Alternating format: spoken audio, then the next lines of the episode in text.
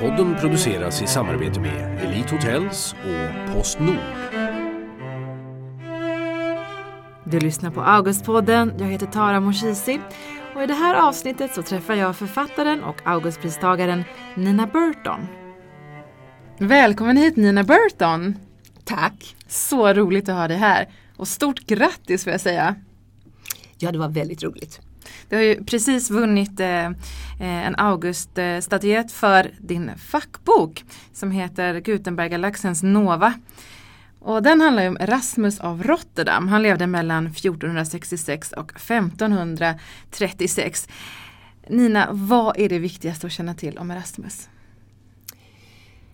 Att han var eh, som titeln säger Gutenberggalaxens nova och det betyder Gutenberggalaxen är ett eh, namn på hela den eran som boktrycket har eh, inneburit. Och han var en klart lysande stjärna där som hade ett enormt inflytande. Han var den första författaren som skrev direkt för boktrycket. Och han stod då för 20 procent av all utgivning och det var mycket. Därför att redan kort efter Gutenbergs eh, Eh, uppfinning så eh, var det 30 000 böcker som tävlade om uppmärksamheten. Dessutom levde Erasmus i sju länder, från Nederländerna till Italien. Så att han hade inflytande i hela Europa. Han skrev på latin, det var den tidens engelska, så att alla kunde läsa honom. Och alla läste honom verkligen också. För han var mycket underhållande. Och han lästes också efter sin död så till den grad att eh, hans sentida kollegor, många av dem knyckte friskt av honom. Så även om man inte har läst någonting av honom själv så har man säkert eh, sett ekon av honom hos andra författare. Ja men du säger att han är underhållande. Kan man till och med kalla honom för satirens pappa? För han skrev ju väldigt humoristiskt och han drev med människor på höga maktpositioner. Eh, ja, absolut. Inte pappa men, men galjonsfigur kan man säga. För att han, eh, satir var väldigt populär då. Det fanns andra eh, som också hade skrivit satirer och det eh, som sålde bra. För att folk älskade satirer. Men Erasmus satir fick större betydelse än några andra. Varför det? Därför att han till exempel, han drev eh, med de höga personer som ingen annan vågade skoja med. Han, han eh, tog heder och ära kunde man säga av eh, påvarna som med sin vinningslystnad och korruption förstörde hela eh, Ja, man kunde säga att, att de förstörde mycket av, av vitsen med kristendomen. Men han sa det på ett så roligt sätt. Han sa det så underhållande. Hade han sagt det rakt ut, kritiserat rakt ut, så hade han kunnat bli bränd på bål. Men litteraturen har en väldigt stark egen makt genom att få folk att lyssna, skratta och tänka. Och det var precis vad som hände. Han fick folk att tänka. Med hjälp av humor och att han var lite fräck i mun helt enkelt. Kunde, eh, ja, han, eh, ja eh, visst. Alltså, han, han nådde ut. Eh, hade han skrivit akademiskt så hade han inte alls nått ut på samma sätt. Men eh, det gjorde han och det var så godmodigt så att ingen kunde förbjuda hans böcker heller. Då, senare, senare efter hans död gjorde de det. Men jag kommer nästan tänka på alla de här stora amerikanska talkshow-världarna som vi ser på tv som framförallt nu det senaste året har drivit väldigt mycket med de amerikanska presidentkandidaterna. Kan man jämföra dem med Erasmus? Ja men det är en ganska rolig eh, jämförelse. Det tycker jag vi gör. men du har verkligen förkovrat i honom. Eh, får jag kalla dig för Erasmus-nörd? Under många år har jag verkligen varit det, alltså kanske de senaste 8-10 åren, ja. Men nu så småningom så ska jag ju ägna mig åt annat också. Men, men jag tror att jag har varit tvungen att bli det. Därför att när jag började visste jag inte någonting om honom. Och det här är en så annorlunda Ja, 1500-talet har många likheter med vår tid men det är ändå så många andra villkor. Och jag ville ge en, jag ville förstå och jag ville ge en levande bild och en sann bild av 1500-talet. Eh, så jag, jag har varit tvungen att gå djupt in i hans tid med alla de medel jag hade. Men var kommer det här intresset ifrån? Från din sida? Ja, det började med en annan bok. Ehm, min förra bok hette Flodernas bok och handlade om Ren, Rån och Themsen. Alltså jag ville knyta ihop Europa genom de här floderna. Och Ren hade jag förstått att det är, det är boktryckarfloden, det var där Gutenberg höll till. Så under en upptäcktsresa... Eller vänta, vadå boktryckarfloden? Ja, därför att Gutenberg uppfann boktrycket vid Mainz som ligger vid, vid Ren. Och sen spreds äh, boktryckare därifrån så att det var, det var ett centrum. Dessutom så kunde böcker skicka, skeppas ut från Ren. Så jag hade följt Ren eh, upp till Basel på, på källorna och där hittade jag detta fantastiska material som handlade om hur om ett möte hos en, en av tidens stora boktryckare. Där möttes tidens främsta författare, främsta konstnär och märkligaste vetenskapsman. Så det var konst, litteratur och vetenskap som möttes genom möttes i boken, alltså, som knöt ihop allt det här. Och det var ju så intressant så att jag, eh, jag fortsatte att nysta i det här. Eh, upptäckte att när jag hade 70 sidor om det så hade jag korkat igen ren. Jag fick alltså lyfta ut en stor del av det till en annan bok. Men jag behöll lite grann, bland annat en teori om att Erasmus kunde vara en förebild till Faustfiguren. Alltså den där människan som eh, vill sprida farlig kunskap. Eh, och det, eh, det kan nog finnas fog för sig att han, eh, att han var lite grann av en Faust fast han gick, ingick ingen pakt med djävulen. Ja. Vad skönt. Ja. Jag ska bara se, kanske pausa lite bara för att det var något oljud i bakgrunden. Nej, det var bara bilarna. Det var någon bil som lät jättemycket. Ja. Ni får klippa i det här. Ja, det får vi göra. Men mm, du skriver att humanismen började växa fram under 1500-talet. Om jag hade levt då, hur hade jag märkt av den här nya vågen? Eh, genom pedagogiken hade man märkt det. Det var väl det som, som eh, var mest påfallande därför att eh, eh den la grunden för, för den blommande kulturen. Så jag hade gått mer i skolan då? Eh, ja, Eh, man, eh, dels gick man mer i skolan men eh, det som var avgörande eh, det var, och det hade Erasmus ett finger med i spelet. Han bodde eh, flera år i England och där var han med om att skriva dels läroplaner och dels läroböcker som sen skulle användas i engelska skolor i hundra år. Så att Shakespeare läste dem också. Och man har undrat över hur det var möjligt att en enkel handskmakarson kunde få detta makalösa språk. Han hade ju, Shakespeare hade ju världens ordförråd.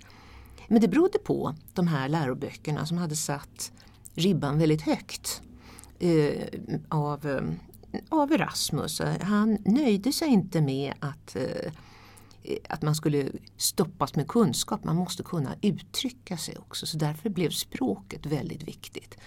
Och han, eh, han avskydde banala böcker, banala vändningar. Han tog en enkel mening som jag kommer att minnas dig så länge jag lever. Så varierade han den på 200 sätt.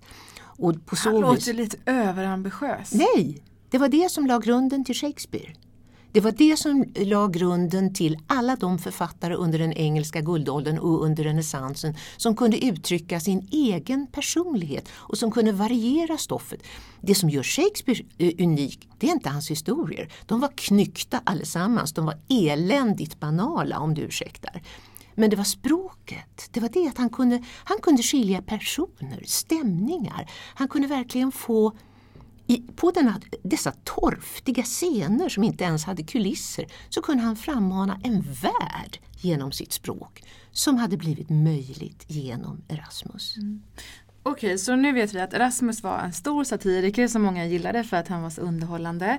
Han skrev läroplaner, han skrev läroböcker och han är förmodligen en av anledningarna till varför Shakespeare fick ett sånt fint språk. Är det någonting mer som gör Erasmus till en stor nyckelfigur för humanismen? Han hade ett enormt eh, nätverk.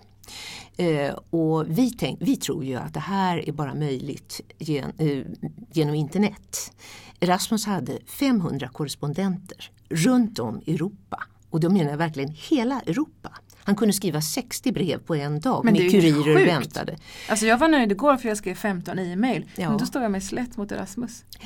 Ja, och dessutom så ska man ju tänka att eh, de här breven eh, var väldigt eftersökta, alltså de publicerades, alltså de blev en sorts bloggar eh, där han kommenterade vad som hände eh, och dessutom så gick de till väldigt intressanta personer därför att Erasmus var eftersökt av alla Europas makthavare. Ett par påvar, alla kungar och kejsare, Henrik den åttonde eh, av England, Frans den första Frankrike, tysk-romerska rikets kejsare och så vidare. Alla ville läsa vad han skrev till dem. Så att han, han hade kontakter och dessutom så hade han kontakter med tidens främsta konstnärer, forskare. Alltså, eh, genom honom det silades hela kulturen och syrsattes genom honom kunde man säga. Men var de inte rädda för honom också? Jag tänker på att han var ju en människa som satte åt makten rätt hårt. Ja, han gjorde, men han gjorde det med humor. Alltså om, om man jämför med, det, tonen kan ju vara ganska rå och infam i våra kvällstidningar till exempel. Men eh, så rå var han inte. Eh, men det är klart, alltså han, blev han, eh, om någon eh, var taskig mot honom på, på ett oschysst sätt, då kunde han verkligen bita ifrån. Mm. Läxade han upp dem. Mm. Det finns också en otrolig detaljrikedom i den här boken. Det är verkligen så att du zoomar in på olika scener och händelser, eh, dialoger och berättelser. Ehm, varifrån kommer din förkärlek till just detaljer? Det är att jag ville göra tiden och eh, miljön levande. Eh, och jag minns under förarbetet att jag, eh, jag åkte ju ut i Europa för att se alla alla de ställen Erasmus hade levt på. Det var ju inte så få så att jag eh, har avverkat ett par interrailkort. Men jag kom bland annat till hans födelsestad, hans barndomsstad i, i Holland där eh, det finns ett Erasmus-sällskap. Och vi pratade som eh, vi, kunde knappt, vi hade inga pauser för vi ville hela tiden fråga varandra. Men hur tror du han, han reste? Och de här vagnarna, hur klarade han det? Vet du? Nej, vet du? Ska vi ta reda på det? Eh, för att eh, det är ju detaljerna som ger eh, en närhet. Och om jag tar resorna som exempel. Eh, Rasmus reste ett par gånger om året fram och tillbaka mellan eh, Basel, sin tryckare i Basel, Schweiz och närheten av Bryssel där han eh, tillfälligt logerade. Det tog tre veckor i vardera riktningen och det var till häst. Han red eh, och kunde ibland få eh, hjälp av någon flodbåt båt, eh, där han, både han och hästen fick plats. Det här tycker jag är intressant att veta för oss som reser under så totalt annorlunda eh, omständigheter. Och att hans brev som forslades med kurirer eh, det var faktiskt bröderna Taxis, alltså Taxis före, eh, föregångare som skapade det här kurirsystemet. De tog ett par veckor men han hann skriva tusentals brev, mer än vad vi, vad vi hinner. Han hann skriva så många böcker, det är 38 bibeltjocka volymer, mer än vad jag någonsin kommer att hinna. Och han han träffa vänner, han han upptäcka Europa. Trots att han inte hade internet, trots att han inte flög. Hur var det möjligt? Detta ville jag ge en bild av. Mm. Ehm, du skildrar ju också den medierevolution som eh, Gutenberg och boktryckarkonsten kom att stå för och som ägde rum på 1500-talet. Men vad var det som hände egentligen när Gutenberg eh, skapade den här boktryckarkonsten? Vad hände med kulturen, med eh, spridandet av budskap och information? Det hände massor, för att det var ju inte bara böcker som trycktes. Böcker är ju det viktiga, för att det är, det är ju tack vare dem som vi fortfarande kan läsa Erasmus. De har, de har stått sig genom århundraden. Men det var också pamfletter och flygblad som fick en verklig betydelse för eh, historien. För Luther var tidens främsta författare av flygblad. Han skrev eh, ett par hundra flygblad som spred hans predikningar och hans åsikter. Och de var lätta att ta till sig för de var korta, snabba. Dåtidens Twitter. Ja.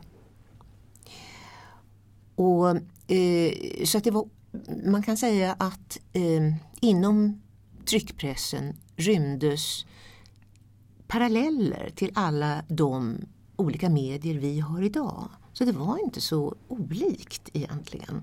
Alltså du har Erasmus tryckta brev som spreds som bloggar, du har flygbladen som var en sorts, sorts Twitter eh, och du har hans eh, ja, väldiga nätverk som var en sorts Facebook. Skillnaden är bara att det går snabbare nu men som, som jag upptäckte så var inte det så väsentligt egentligen. Men fanns det inget motstånd till det här? För att det låter ju som att det var en väldigt så positiv era och att alla var glada och nöjda.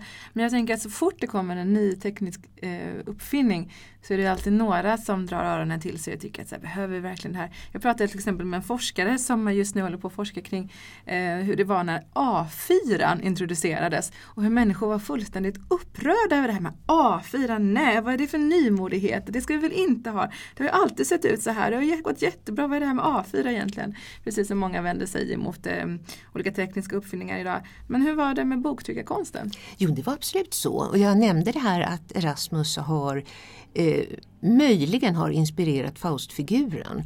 Och då har Faustfiguren sammansmälts av ett par olika personer. En är Gutenbergs kompanjon som ibland skrivs Fust och ibland skrivs Faust. Och eh, för man, många ansåg att det här var djävulens påfund. Eh, alltså någon som försökte sälja tryckta biblar, det konservativa Sorbonne i eh, Paris. Han var ju nästan i förbund med djävulen kunde man tycka. Så att eh, visst fanns det väldigt mycket misstankar också mot detta.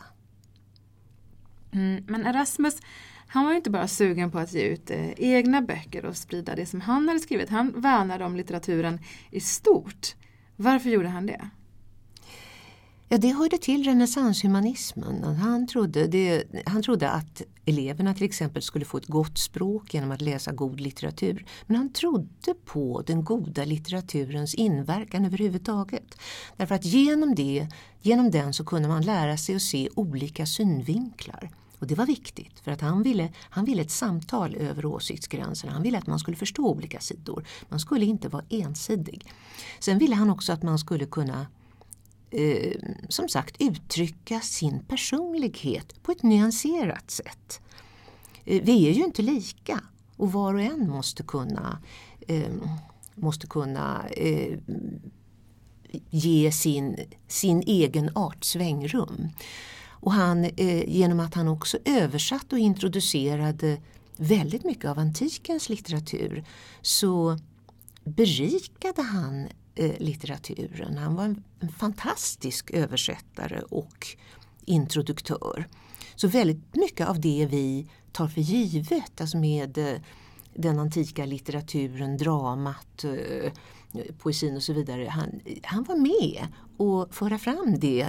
Han tog det som ett, en uppgift att söka gamla gömda manuskript från något eh, kloster någonstans. Få ut det, publicera det, sprida det, visa folk vad som fanns. Nina, jag tycker att det låter som att om Rasmus hade levt idag då hade han gillat Augustpriset. Och han har kanske framförallt gillat Augustpodden där vi pratar om just litteratur. Han hade fått Augustpriset. Han hade varit den första att få det. Flera gånger om kanske. Um, det handlar inte bara om Erasmus i din bok. Här får vi också träffa påvar och rebeller. Vad kan vi lära oss av 1500-talets skarpsynta hjärnor? Jag tror att man alltid kan lära sig mycket av historien. Och eh, Vi tror att livet alltid är likadant. Om det är en pjäs eller en opera från 1500-talet eller äldre tider så kostymerar vi personerna i våra kläder. Och det blir väldigt tokigt ibland. Eh, för att varje tid har ju, eh, har ju ändå sin egen art. Eh, men det finns de paralleller vi, som finns kan vi lära oss av. Därför att 1500-talet var en tid av skarpa religionsmotsättningar. Eh, och det, det fann, den fanns i arabvärlden redan då, var det strider mellan shia och, och sunni. Men det var också mycket starka och hetska strider i Västeuropa eh, genom olika eh, me mellan protestanter och katoliker och olika protestantiska fra fraktioner som bekämpade varandra eh, hårt. Och följden av det här var ett splittrat Europa, förödda städer eh, med 30-åriga kriget alltså, som var en fortsättning av det här, stora flyktingströmmar eh, det, och intolerans. Så eh, om man lyssnar på vad Erasmus, alltså hans varningar inför det här och hans råd att man måste kunna tala, samtala över åsiktsgränserna och inte bara stå och skrika över skyttegravarna, eh, eh, skymfa varandra. Det, har, det, det grävde bara djupare gravar. Utan samtala, försöka förstå och försöka hitta lösningar. Mm. Det låter som något som är viktigt att ha i åtanke även idag i allra högsta grad. I synnerhet, absolut. Så att det, eh, det, gör ju, det gör ju den här tiden och Erasmus viktiga för oss. Men det jag har funderat över just att det här skedde för 500 år sedan. Tycker du att den tiden känns närmare oss nu när du har studerat den så mycket? Alltså det är mycket som, det är mycket som skiljer eh, också. Eh, om man ser på kvinnors eh, situation så var den ju helt, renässansen var bara för män. Eh, för tio år sedan så skrev jag en annan Augustnominerad bok som faktiskt fortfarande är aktuell. Den säljs kontinuerligt, den har till min glädje blivit eh, rekommenderad läsning i idéhistorien för att visa att det finns parallella historier. Kvinnans historia var helt annorlunda. Den här heter Den nya kvinnostaden och, och visar hur det genom 2000 år har eh, så mycket tuffare det har varit för kvinnor. En kvinnlig Erasmus hade inte varit möjlig på 1500-talet. Det här måste vi förstå och sätta oss in i de historiska eh, skillnaderna. Det är ungefär olika tider skiljer sig som olika kulturer och precis som man måste försöka förstå olika kulturer så måste man försöka förstå olika tider också för att, för att det ska bli rättvist. Jag ser fram emot att läsa den boken också. Tack så hemskt mycket Nina Burton för att du kom hit till Augustpodden. Tack, vilket nöje. Du har lyssnat på Augustpodden med mig, Tara Moshisi. Augustpodden produceras i samarbete med Elite Hotels och Postnord.